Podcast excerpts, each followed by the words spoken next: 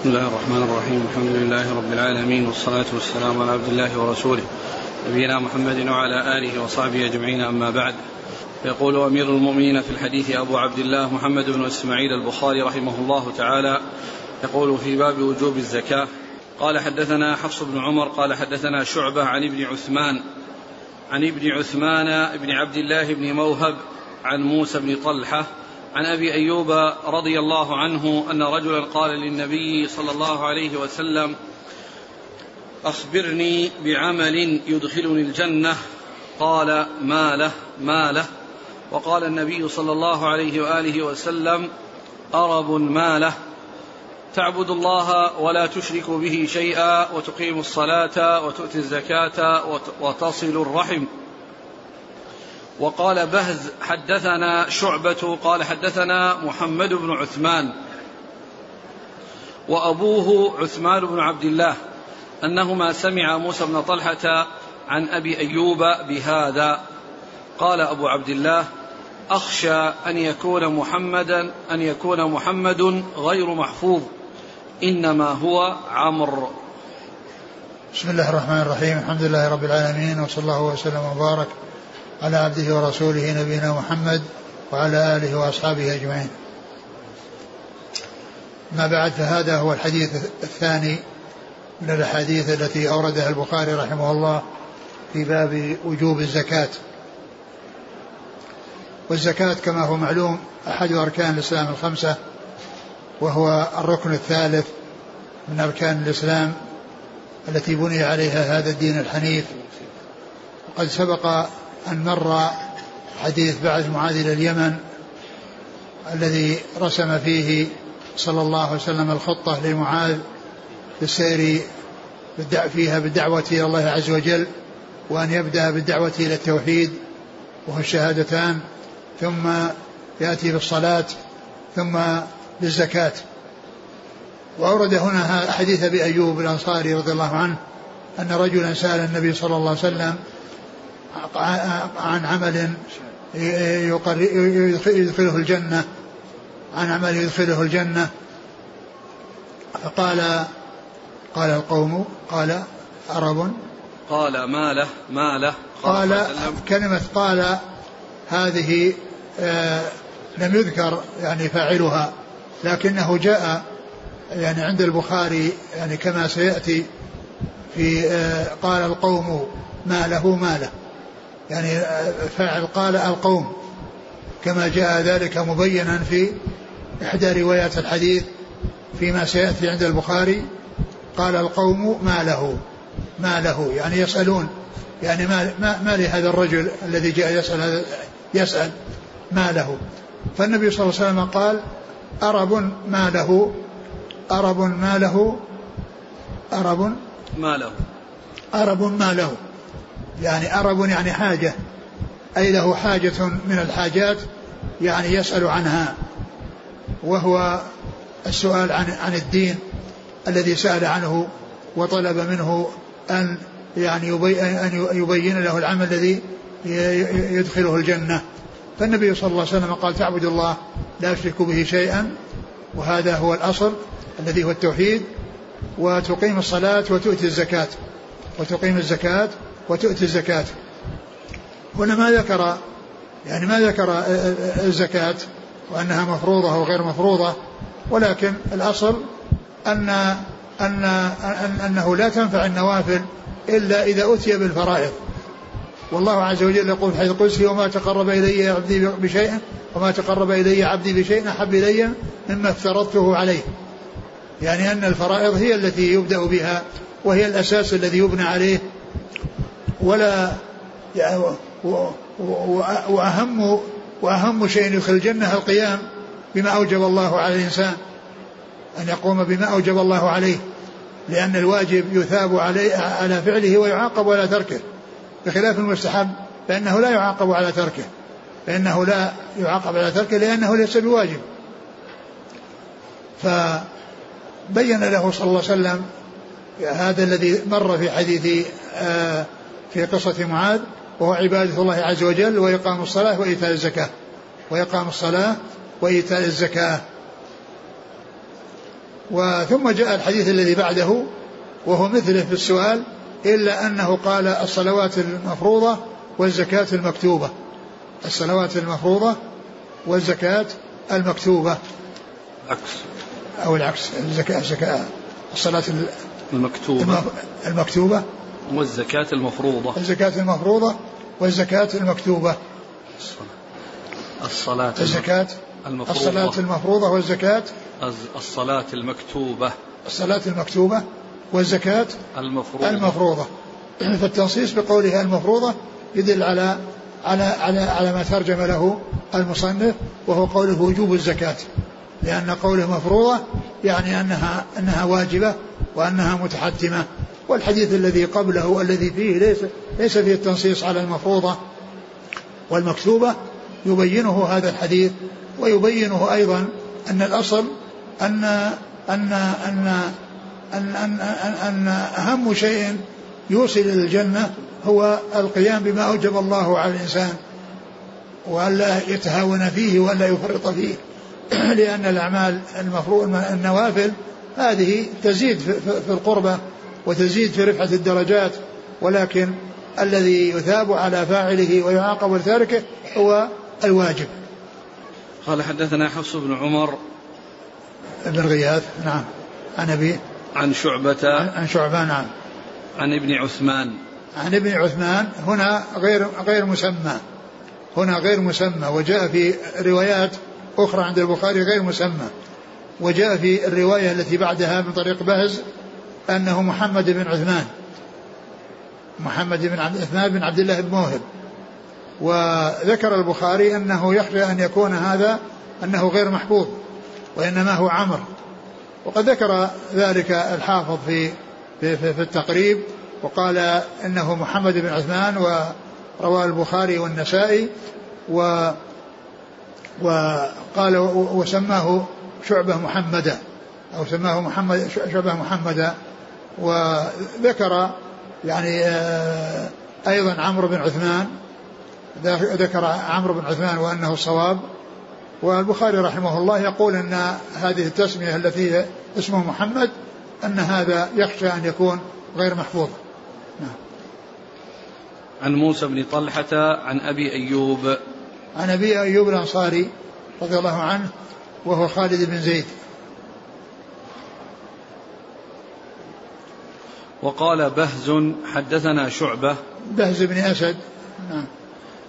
عن محمد بن عثمان وأبوه عثمان بن عبد الله أنهما سمعا موسى بن طلحة عن أبي أيوب بهذا قال أبو عبد الله أخشى أن يكون محمد غير غير محفوظ إنما هو عمر نعم.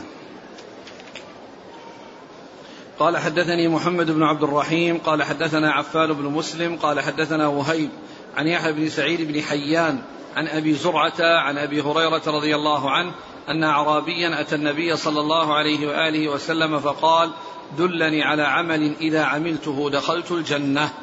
قال تعبد الله لا تشرك به شيئا وتقيم الصلاة المكتوبة وتؤدي الزكاة المفروضة وتصوم رمضان. قال والذي نفسي بيده لا أزيد على هذا. فلما ولى قال النبي صلى الله عليه وآله وسلم من سره أن ينظر إلى رجل من أهل الجنة فلينظر إلى هذا. ثم ذكر هذا الحديث عن أبي هريرة. عن أبي هريرة رضي الله تعالى عنه. آه الحديث الأول عن, عن أبي أيوب قال جاء رجل أو قال رجل. وقد قيل آه وقد ذكر الحافظ بن حجر أن أن أن أن أن السائل هو أبو أيوب وأنه أبهم نفسه. وأن يعني بعض أهل العلم قال إنه أبهم نفسه. وهذا يجري يعني في آه يعني في الأسئلة. أحيانا آه الراوي يعني من الصحابة يبهم نفسه. ما يقول سألت وإنما يقول جاء رجل وهو رجل. وهذا يعني يأتي مضطرد في كثير من الأحاديث ومنها قصة أبو سعيد في القراءة على اللديغ الذي لدغ وقرأ عليه بالفاتحة وأخذوا قطيعة من الغنم. يعني فيه أنه أن قال رجل وهو يعني نفسه. وهذا مضطرد أن الرجل من الصحابة إذا إذا أراد أن آه، يعني أحيانا لا يقول سألته وإنما يقول سأل رجل. وكلامه صحيح لأنه رجل وسأل رجل. ولا يلزم أن يكون السائل رجل آخر. قد يكون هو المتكلم وقد يكون وكان وأبهم نفسه فقال رجل وقد يكون يحكي عن غيره وأن السائل غيره وليس هو. ثم ذكر حديث أبي هريرة أن أن رجلا سأل النبي صلى الله عليه وسلم قال أعرابيا. أن أعرابيا أتى النبي صلى الله عليه وسلم فقال دلني على عمل إذا عملته دخلت الجنة. أن أعرابيا جاء إلى النبي عليه الصلاة والسلام وقال دلني على عمل إذا عملته دخلت الجنة. وهذا مثل السؤال الأول الذي مر في الحديث السابق. قال تعبد الله؟ لا تشرك به شيئا. تعبد الله لا تشرك به شيئا وتقيم الصلاة وتؤتي الزكاة وتصوم رمضان. هذا مثل الأول إلا أن فيه زيادة رمضان إلا أن فيه زيادة آه، رمضان. نعم. قال والذي نفسي بيده لا أزيد على هذا. قال والذي نفسي بيده لا أزيد على هذا. يعني هذا الذي هذا الذي آآ آه، آآ آه، بينت لي أنه يدخل الجنة يعني سألتزم به وأقوم به ولا أزيد على هذا. و ولم يذكر الحج. وقد قيل أنه قد يكون آه، يعني آه، قد يكون ذكر ولكنه يعني اختصر الحديث. وقد يكون ذلك قبل يعني آه، قبل فرض الحج وأنه قبل أن يفرض الحج. والذي نفسي بيدي لا أزيد على هذا. لما ولى قال صلى الله عليه وسلم من سره أن ينظر إلى رجل من أهل الجنة فلينظر إلى هذا. فلما ولى قال النبي عليه الصلاة والسلام من سره أن ينظر إلى رجل من أهل الجنة فلينظر إلى هذا. قيل إنه يمكن أنه إما أن يكون نزل عليه وحي بأن هذا أنه من أهل الجنة أو أنه المقصود من ذلك أنه إن داوم على ذلك أنه إن داوم على ذلك واستمر على ذلك فإنه من أهل الجنة. قال حدثنا محمد بن عبد الرحيم وهو الملقب صاعقة. عن عفان بن مسلم الصفار. عن وهيب بن خالد. عن يحيى بن سعيد بن حيان يحيى بن سعيد بن حيان عن من؟ عن أبي زرعة. يحيى بن سعيد بن حيان هذا هو التيمي و ويقال له أبو حيان. فكنيته تطابق اسم جده. كنيته تطابق اسم جده. ومثله محمد بن العلاء بن كريب أبو كريب. فإن كنيته تطابق اسم جده أو توافق اسم جده. ويحيى بن سعيد بن حيان وكنيته أبو حيان ومعرفة الكنى معرفة الكنى فائدتها ألا يظن الشخص الواحد ألا يحصل تصحيف يعني معرفة الكنية بين الكنية والإبن ألا يظن تصحيف لأن ابن وأبو قريبة بعضها من بعض. فلو قيل يحيى بن سعيد أبو حيان أو قيل يحيى بن سعيد ابن حيان كل ذلك صحيح. كل ذلك صحيح. يعني ف يعني يقال أبو حيان ويقال ابن حيان. نعم. عن أبي زرعة. ويحيى بن سعيد هذا كما قلت في درس في الدرس الماضي أو الذي قبله أن يحيى بن سعيد بن حيان ويحيى بن سعيد الأنصاري هؤلاء في طبقة متقدمة ويحيى بن سعيد القطان ويحيى بن سعيد الأموي في طبقة متأخرة وهذا الذي هو يحيى بن سعيد بن حيان مع يحيى بن سعيد الأنصاري في طبقة صغار التابعين. نعم. عن أبي زرعة بن عمرو بن جرير. عن أبي هريرة. نعم. قال حدثنا مسدد عن يحيى عن أبي حيان. قال أخبرني أبو زرعة عن النبي صلى الله عليه وسلم بهذا. ثم ذكر الطريقة الأخرى قال. قال حدثنا مسدد. مسدد. مسدد بن مسرهد. عن يحيى. يحيى القطان. عن أبي حيان. عن أبي حيان له يحيى بن سعيد التيمي الذي مر في الإسناد السابق. هنا ذكره بكنيته فقط.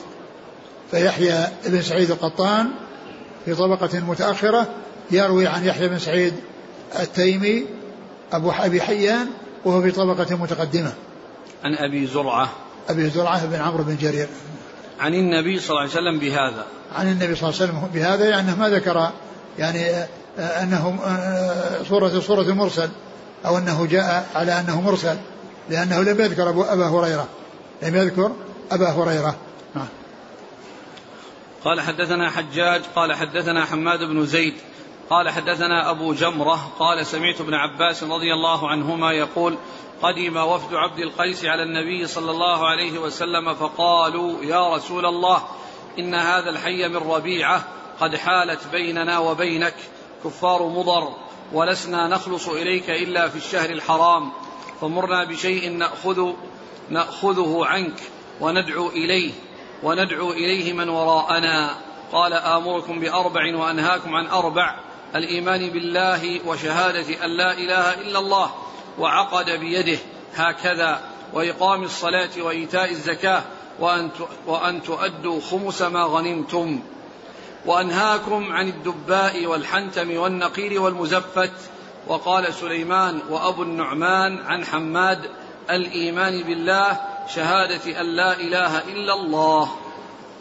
ثم ذكر حديث ابن عباس رضي الله تعالى عنهما في قصة وفد عبد القيس. الذين وفدوا إلى الرسول عليه الصلاة والسلام وكان ذلك في أول الإسلام بعد الهجرة بعدما هاجر الرسول عليه الصلاة والسلام. قدموا يعني وافدين من من من من, من قومهم ربيعة عبد القيس من ربيعة. وربيعة هو أخو مضر مضر مضر بن نزار وربيعة بن نزار. فعبد القيس يلتقون مع النبي صلى الله عليه وسلم في نزار لأن لأن ربيعة أخو مضر وهؤلاء ينتمون إليه الذين هم بنو عبد القيس وكانت منازلهم في جهة البحرين. وكانوا جاءوا إلى النبي عليه الصلاة والسلام في شهر حرام وقالوا إن هذا الحي من, من, من, من, ربيعة لا نخلص إليك إلا في شهر حرام. وبيننا وبينك كفار مضر. يعني معناه أنهم, في أنهم بينهم وبين المدينة.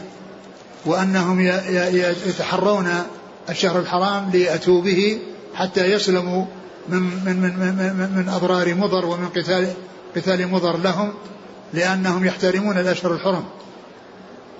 قالوا إن لا نخلص لا نخلص إلا بشهر الحرام يعني لا يتيسر لنا الوصول إليك كلما أردنا وإنما نتوصل إليك في الشهر الحرام الذي تعظمه مضر وحتى يسلموا من شرهم ومن قتالهم لهم ومن إيذائهم لهم.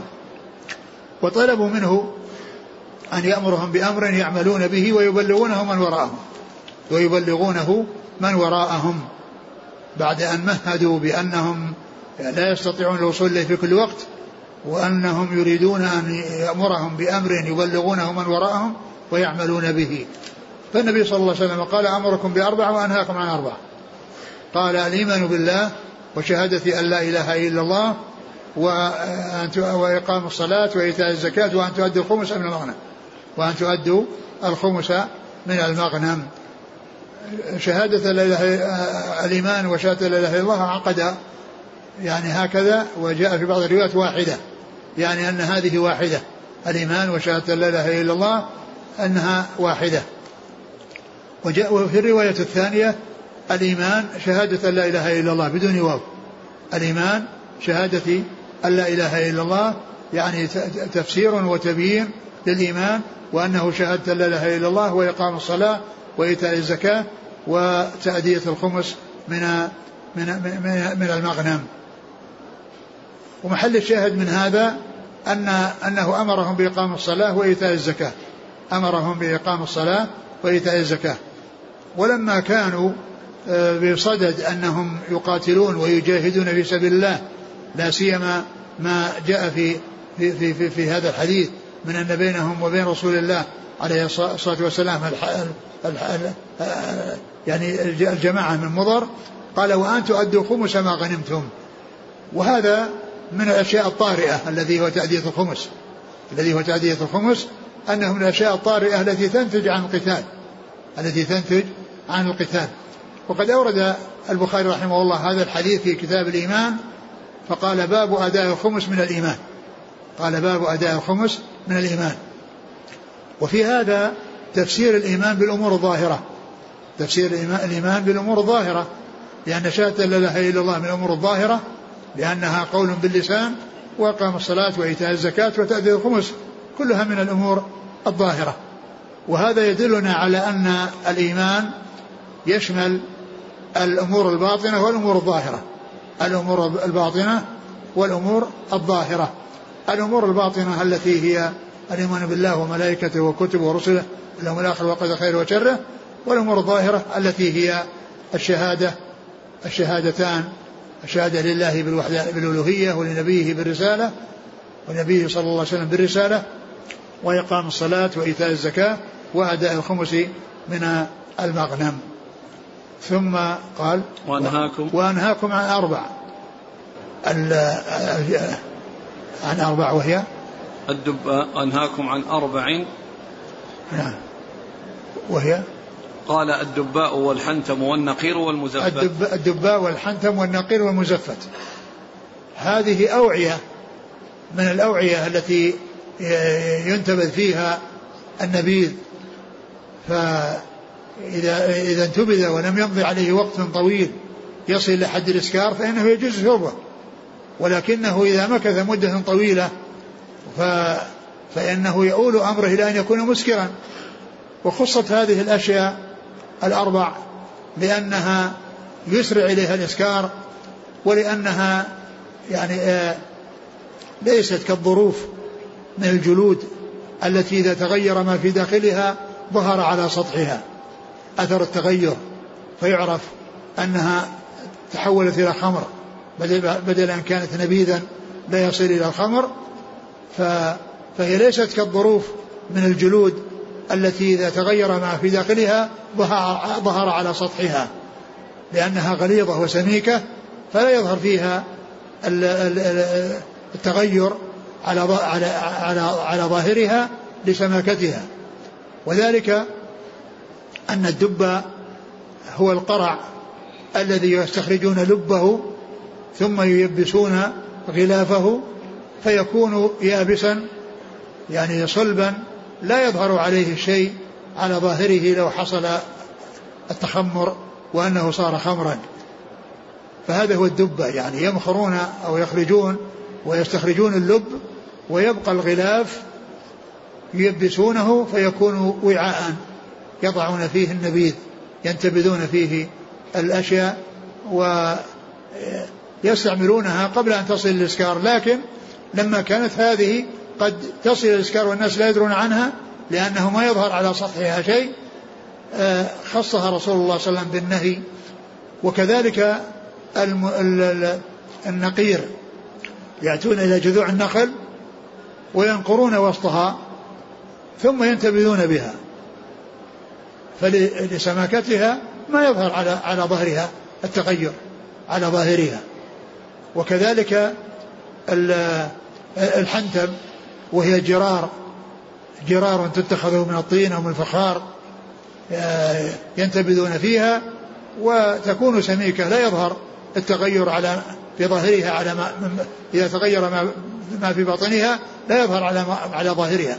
وكذلك المزفت الذي طلي بالزفت أو المقير الذي طلي بالقار فإنه فإنه كذلك.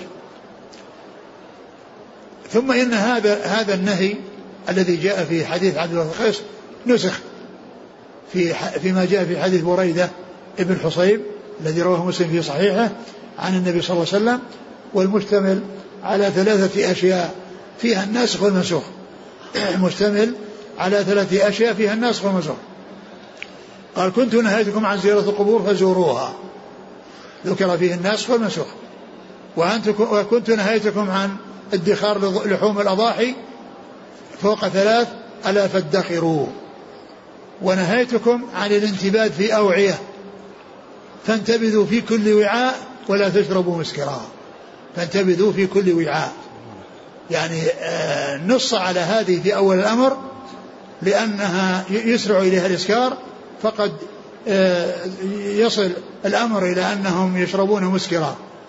ولكنه نسخ في آخر الأمر وأنهم يشربون في كل وعاء لكن بشرط أن يتحققوا أنه لم يصل إلى حد الإسكار يعني معناه إذا انتبذوا في أوعية غليظة لا يتركونه مدة حتى يصل إلى حد الإسكار وإنما يأخذونه يعني في وقت قريب يعني لا يصل فيه إلى إلى حد الإسكار إذا هذا الذي جاء في حديث وفد عبد القيس من النهي عن هذه الانتباه في هذه الأوعية كان في أول الأمر وبعد ذلك نسخ وأنه ينتبذ في كل وعاء سواء كان خفيفا أو جلدا أو يعني نقيئا نقيرا أو حنتما أو دبة أو غير ذلك لكن بشرط أن يتحققوا أنه لم يصل إلى حد الإسكار. قال حدثنا حجاج بن منهال. عن حماد بن زيد عن أبي جمرة. أبو جمرة هو نصر بن عمران الضبعي. وهو من وهو من بني عبد القيس الذي هو نصر بن عمران الذي هو أبو جمرة وهو مشهور بلقب بكنيته أبو جمرة بالجيم والراء. ومن الذين يروون عن ابن عباس شخص يقال له أبو حمزة القصاب. أبو حمزة القصاب. وأبو حمزة وأبو جمرة متقاربة وهي من قبيل المؤتلف والمختلف. الذي يتفق فيه تتفق فيه الأسماء بالرسم وتختلف في النقط والشكل. وهذا من الاختلاف في النقط لأن الرسم واحد ولكن الفرق بالنقط جيم وبدل الجيم حاء وراء وبدل وبدل, وبدل الراء زاي أبو حمزة وأبو جمرة فهو من المؤتلف والمختلف. وأبو حمزة القصاب يروي عن ابن عباس. وقد روى عن ابن عباس حديث الذي فيه أن النبي صلى الله عليه وسلم قال في معاوية لا أشبع الله بطنه. أرسل ابن عباس إليه ليدعوه وذهب وجده يأكل ثم رجع قال ادعه فرجع وجده يأكل قال لا أشبع الله بطنه. وفي إسناده أو في سنده أبو, أبو حمزة القصاب يروي عن ابن عباس. إذا يعني هذا أبو حمزة وهذا أبو جمرة. وكل, من وكل منهما يروي عن ابن عباس. والحديث الذي فيه لا يشبع الله بطنه ليس فيه ذم لمعاوية بل فيه مدح لمعاوية رضي الله عنه. لأن الإمام مسلم رحمه الله من عنايته في ترتيب كتابه أنه آه، ذكر في في, في, في باب يعني من دعا عليه النبي صلى الله عليه وسلم وهو ليس بذلك أهل أورد جملة من الأحاديث التي فيها تربت يمينك تكلتك أمك عقرة حلقة آه ذكر جملة من هذه الأحاديث. ثم ذكر بعدها أو في آخرها حديث في آه في قصة أم سليم وإرسالها يتيمة لها إلى الرسول عليه الصلاة والسلام. وكان النبي صلى الله عليه وسلم رآها من قبل وهي صغيرة ثم كبرت فلما جاءت إليه قال أنت هي؟ كبرت؟ لا كبرت سنك. فانطلقت هذه اليتيمة تبكي. فجاءت أم سليم إلى رسول الله صلى الله عليه وسلم مسرعة. قالت يا رسول الله إنك قلت في في يتيمتي كذا. فقال أما علمت يا أم سليم أنني اشترطت على ربي أن من دعوت له دعوة ليس لها بأهل أن أن يبدل أن يجعل الله له ذلك زكاء وطهرا. زكاء وطهرا. بعدما ذكر الحديث مسلم أتى بحديث أشبع الله بطنه أتى بعده بحديث أشبع الله بطنه فصار من من جملة محامده لأن الرسول دعا عليه بدعوة لا يستحقها وقد قال عليه الصلاة والسلام من دعوت له بدعوة ليس لها بأهل فأن يجعل الله له ذلك زكاء وطهرا. فصار هذا من مناقبه وليس من مثالبه كما يعني يريد يعني من من, من, من بعض من أدركهم الخذلان بأن يقولون هذا ذم لمعاوية وأنه سب لمعاوية هو داخل تحت الذي جاء في قصة أم سليم في في في فيما قاله النبي صلى الله عليه وسلم في يتيمتها آه، نعم عن ابن عباس. نعم. نعم. وقال سليمان وأبو النعمان عن حماد سليمان سليمان بن حرب, بن حرب. وأبو النعمان. الحكم بن نافع. وأبو النعمان. أبو النعمان محمد بن فضل. عن حماد. حماد بن زيد. الإيمان بالله شهادة أن لا إله إلا الله. الإيمان بالله شهادة بدون واو يعني. يعني هناك بالواو وهنا بدون واو. فكأنه تفسير تفسير الإيمان بالشهادة وما بعدها. الإيمان شهادة لا إله إلا الله وإقام الصلاة وإيتاء الزكاة وتأدية الخمس من المغنم قال حدثنا أبو اليمان الحكم بن نافع. قال أخبرنا شعيب بن أبي حمزة قال أخبرنا شعيب بن أبي حمزة عن الزهري. قال حدثنا عبيد الله بن عبد الله بن عتبة بن مسعود أن أبا هريرة رضي الله عنه قال لما توفي رسول الله صلى الله عليه وسلم وكان أبو بكر رضي الله عنه وكفر من كفر من العرب. فقال عمر بن عمر رضي الله عنه كيف تقاتل الناس وقد قال رسول الله صلى الله عليه وآله وسلم أمرت أن أقاتل الناس حتى يقولوا لا إله إلا الله. فمن قالها فقد عصم مني ماله ونفسه إلا بحقه وحسابه على الله. فقال والله لاقاتلن من فرق بين الصلاة والزكاة فإن الزكاة حق المال. والله لو منعوني عناقا كانوا يؤدونها إلى رسول الله صلى الله عليه وآله وسلم لقاتلتهم على منعها.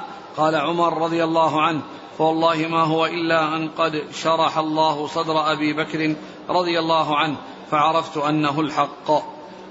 ثم ذكر حديث أبي هريرة رضي الله عنه أن الرسول عليه الصلاة والسلام لما توفي وولي الخلافة من بعده أبو بكر رضي الله عنه وحصل ارتداد من ارتد وقام أبو بكر رضي الله عنه بإرسال الجيوش لقتال المرتدين.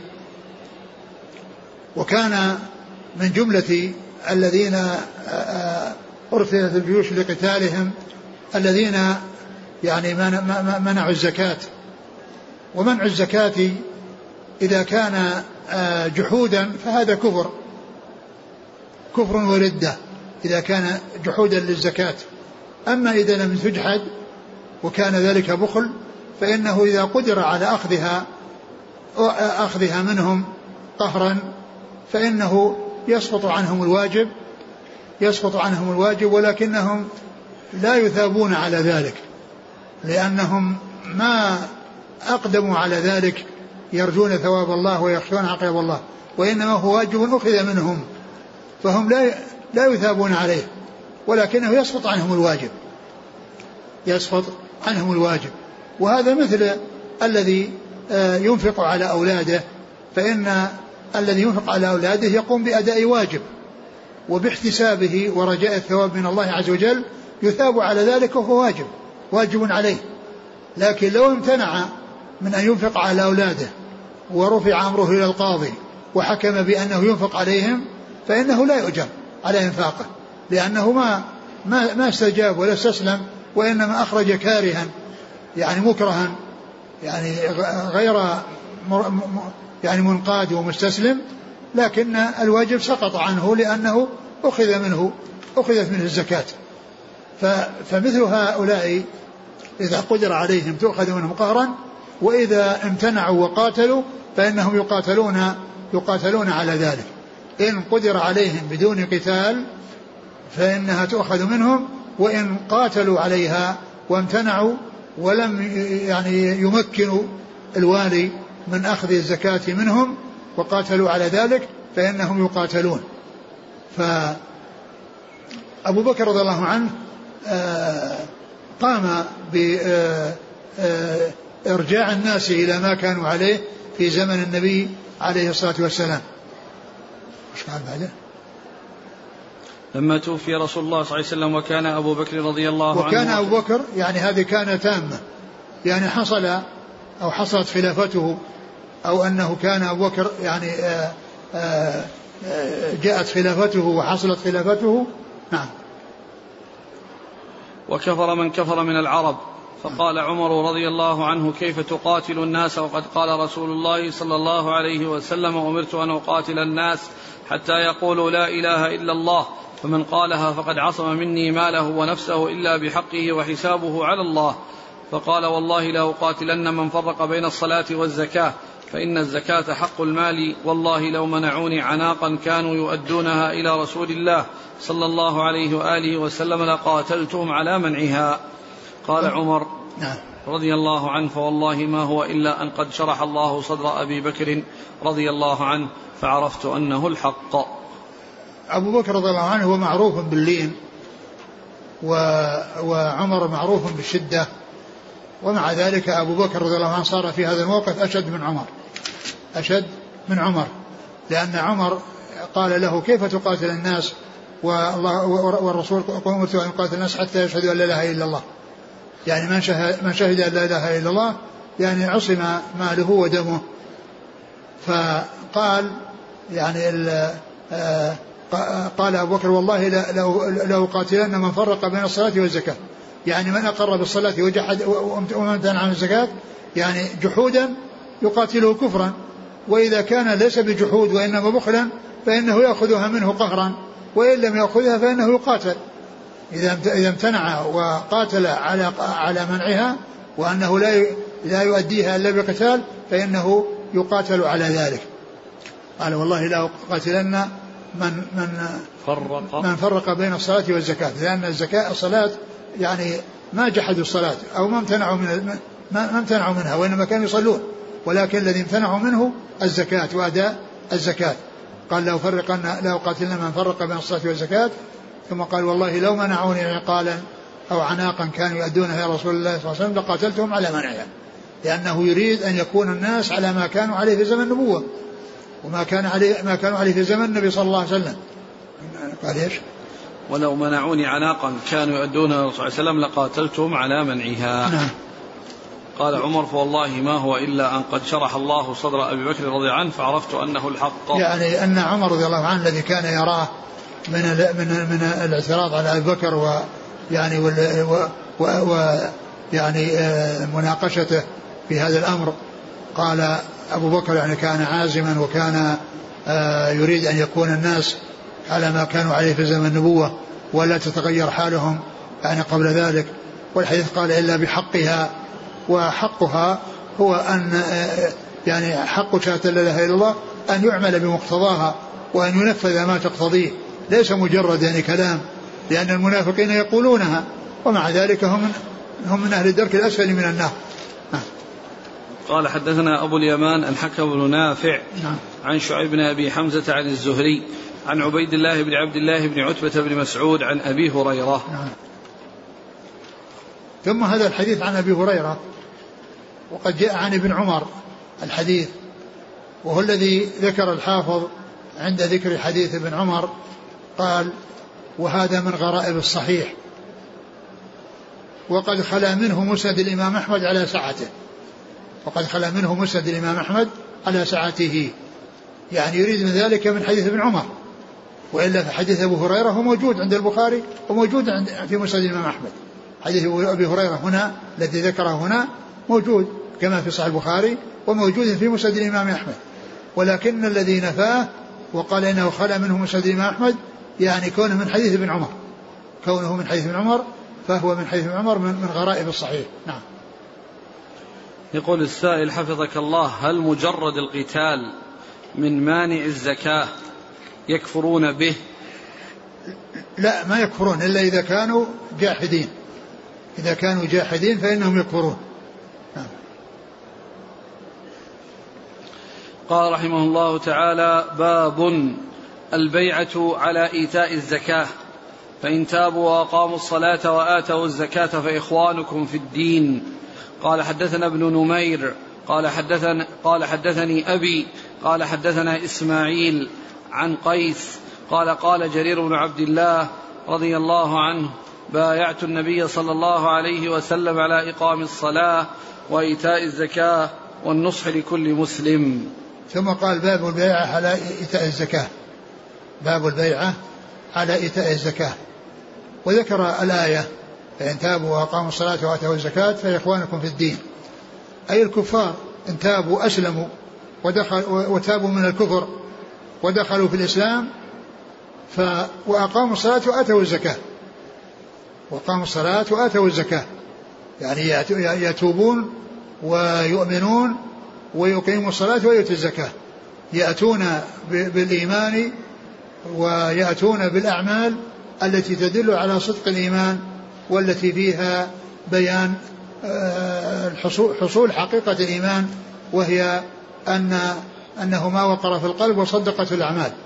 ما قام في القلوب وصدقته الأعمال وليس شيئا يعني يكون في القلب ويقال باللسان دون أن تتبعه الجوارح. ثم ذكر حديث جرير رضي الله تعالى عنه قال بايعت رسول الله, صلى الله عليه وسلم على إقام الصلاة وإيتاء الزكاة والنصح لكل مسلم. والمبايعة كان النبي عليه الصلاة والسلام إذا يعني آه يعني جاءه آه آه يعني مسلمين يبايعهم على يعني على على الإيمان بالله وعلى آه، عبادة الله وعلى إقام الصلاة وإيتاء الزكاة والنصح لكل مسلم. وجرير رضي الله عنه لما جاء إلى النبي صلى الله عليه وسلم بايعه على الإسلام على على على إقام الصلاة وإيتاء الزكاة والنصح لكل مسلم. وكان يبايع على إقام الصلاة وإيتاء الزكاة ولكن يضيف لكل من يناسبه شيء آه، يضيفه إليه. وجرير لما كان كبيرا في قومه وسيدا في قومه آه، يعني بايعه على النصح لكل مسلم. يعني ليقوم بما عنده من الجاه وما عنده من المنزلة والمكانة بالنصح آه، للمسلمين وخاصة قومه الذين هو سيد فيهم و والمقصود من ذلك هو إيتاء الزكاة وأنه مما بايع عليه الرسول عليه الصلاة بايع عليه بايع عليه جريرا جرير رسول الله صلى الله عليه وسلم. بايعت رسول الله عليه الصلاة والسلام على إقام الصلاة وإيتاء الزكاة والنصح لكل مسلم. قال حدثنا ابن نمير. محمد بن عبد الله بن نمير. الكوفي. نعم. عن أبيه. نعم. عن أبيه عبد الله بن نمير الكوفي. نعم. عن إسماعيل. نعم بن أبي خالد. الكوفي. نعم. عن قيس. بن أبي حازم الكوفي. عن جرير بن عبد الله. البجلي. الكوفي. وقد نزل الكوفة نعم.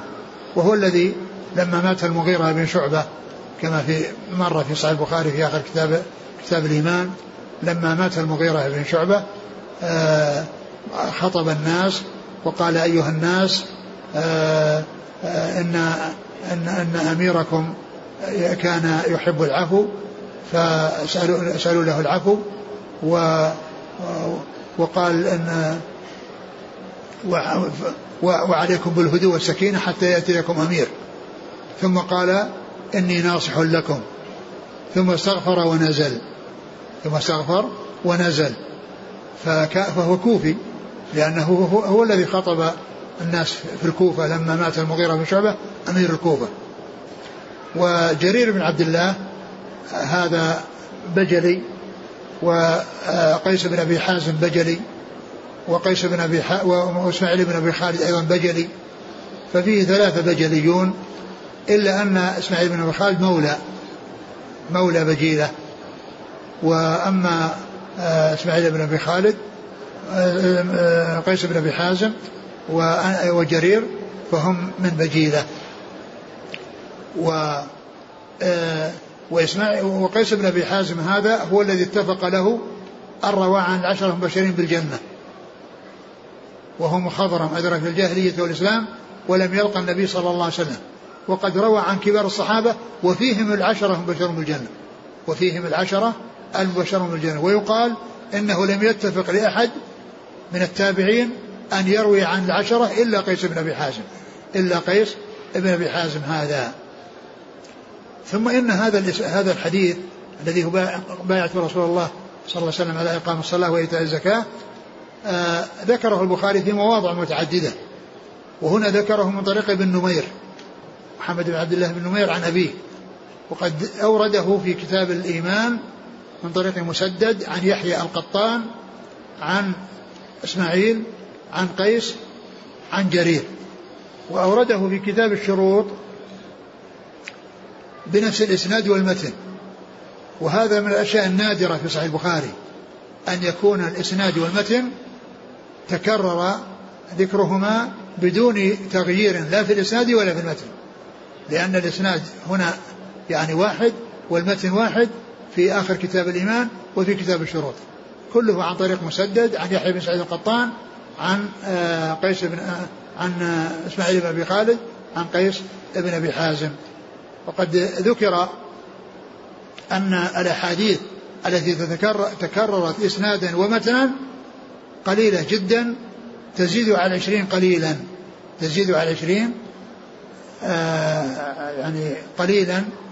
و وقد ذكرت في الفوائد المنتقاة يعني هذه الأحاديث عندما قرأت فتح الباري في آه عندما درست البخاري المرة الأولى وكنت أسجل يعني ما كان من هذا القبيل فبلغت 24 تقريبا وقد أوردتها في الفوائد المنتقاة وذكرت أرقام الأرقام التي جاءت فيها مكررة التي جاءت فيها مكررة في الإسناد والمتن.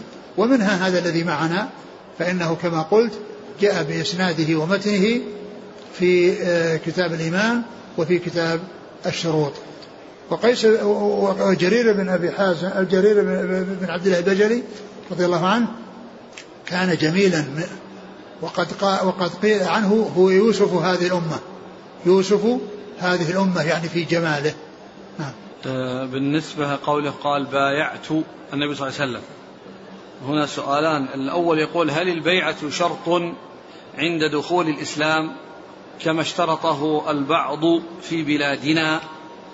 والثاني يقول بعض الناس هل يقولون هل, هل, هل إيش؟ هل البيعة شرط في الدخول في دخول الإسلام؟ كما شرطه البعض في بلادنا. المبايعة وهي وضع اليد باليد والحضور إلى الخليفة ومبايعته ليست شرط لأن الذين بايعوا أبا بكر رضي الله عنه هم جماعة. أهل الحل والعقد الذين اجتمعوا في ساقه بن ساعدة وكذلك الذين بايعوا في المسجد بعد ذلك. وليس كل الناس جاءوا وبايعوه ووضعوا أيديهم بأيديه لأن إذا بايع أهل الحل والعقد الباقون تبع لهم. الباقون تبع لهم ولا يلزم أن كل واحد يأتي من الأمة ومن الرعية ويضع يده بيد الإمام ويبايع. ليس بهذا اللي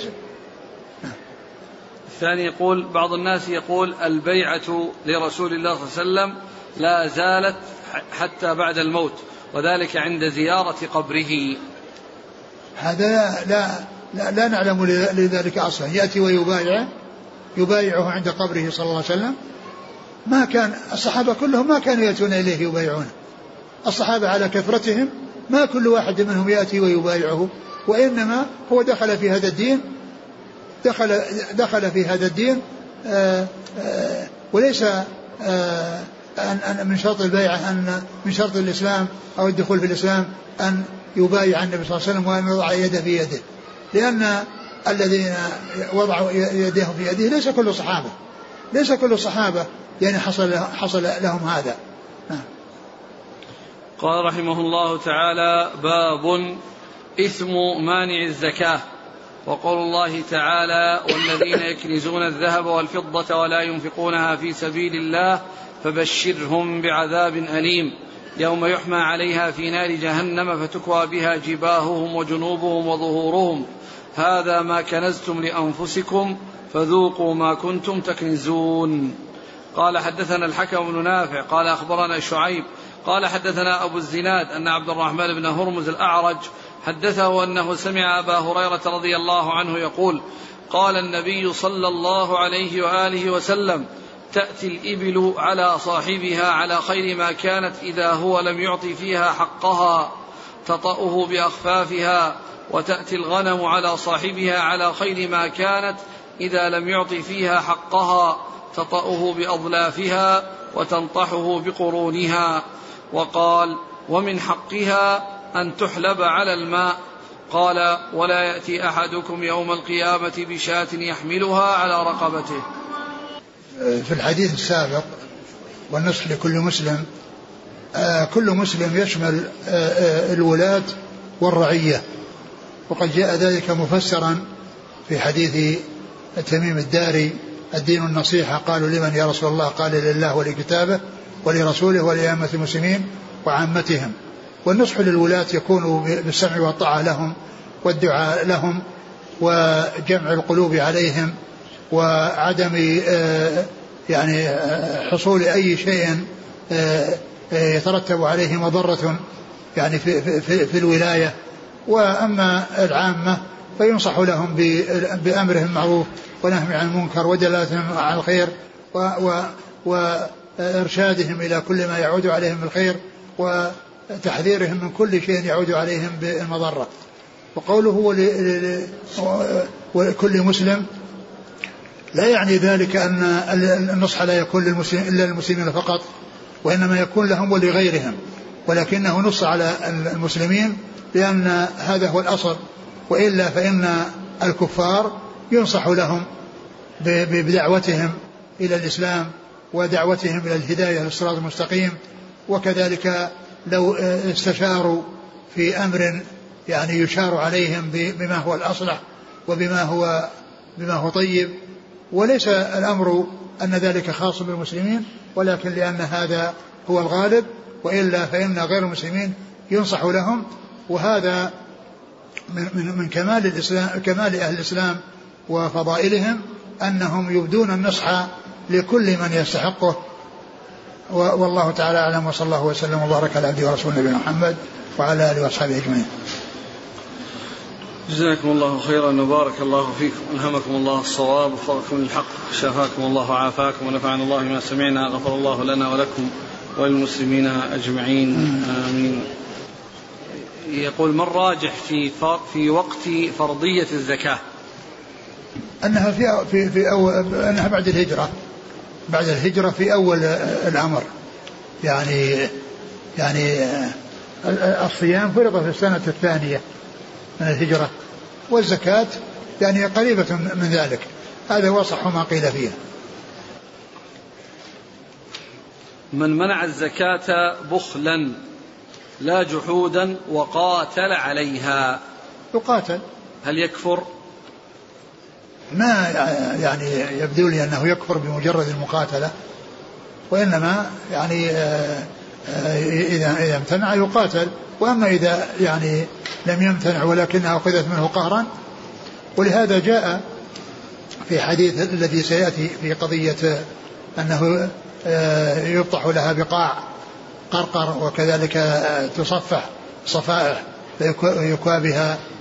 فالحديث الذي الذي سيأتي بعد هذا جاء فيه آه، في يوم كان مقداره خمسين ألف سنة حتى يرى سبيله إما إلى الجنة وإما إلى النار.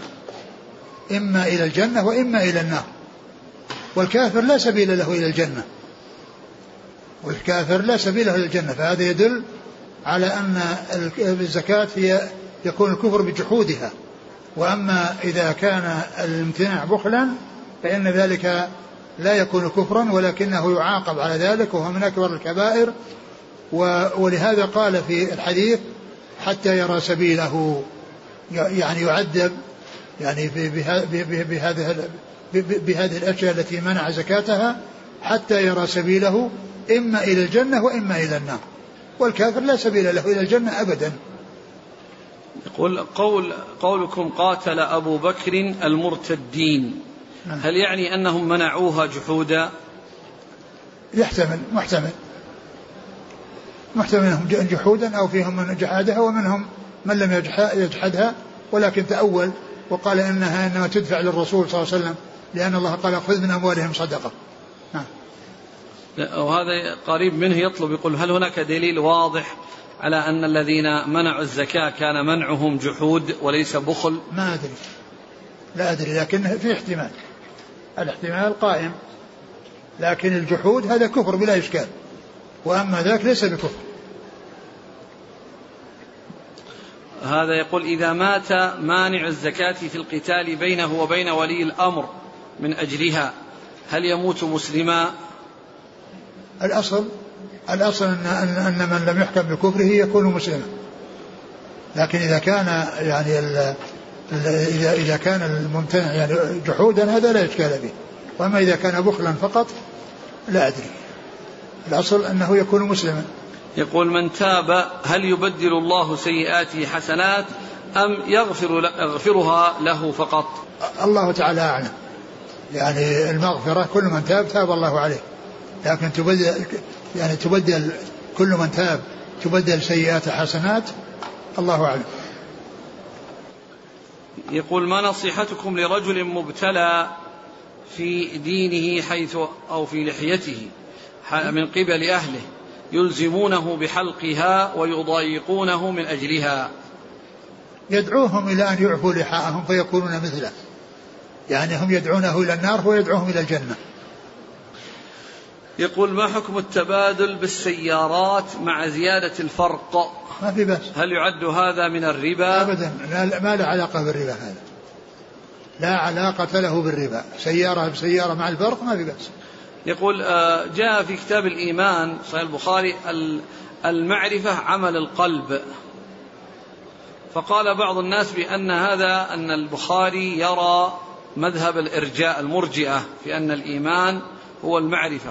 البخاري رحمه الله في أبواب كثيرة يبين فيها أن الأعمال من الإيمان ومنه الذي ذكرت باب أداء الخمس من الإيمان. وأداء من الخمس عمل. فكيف يقال هذا؟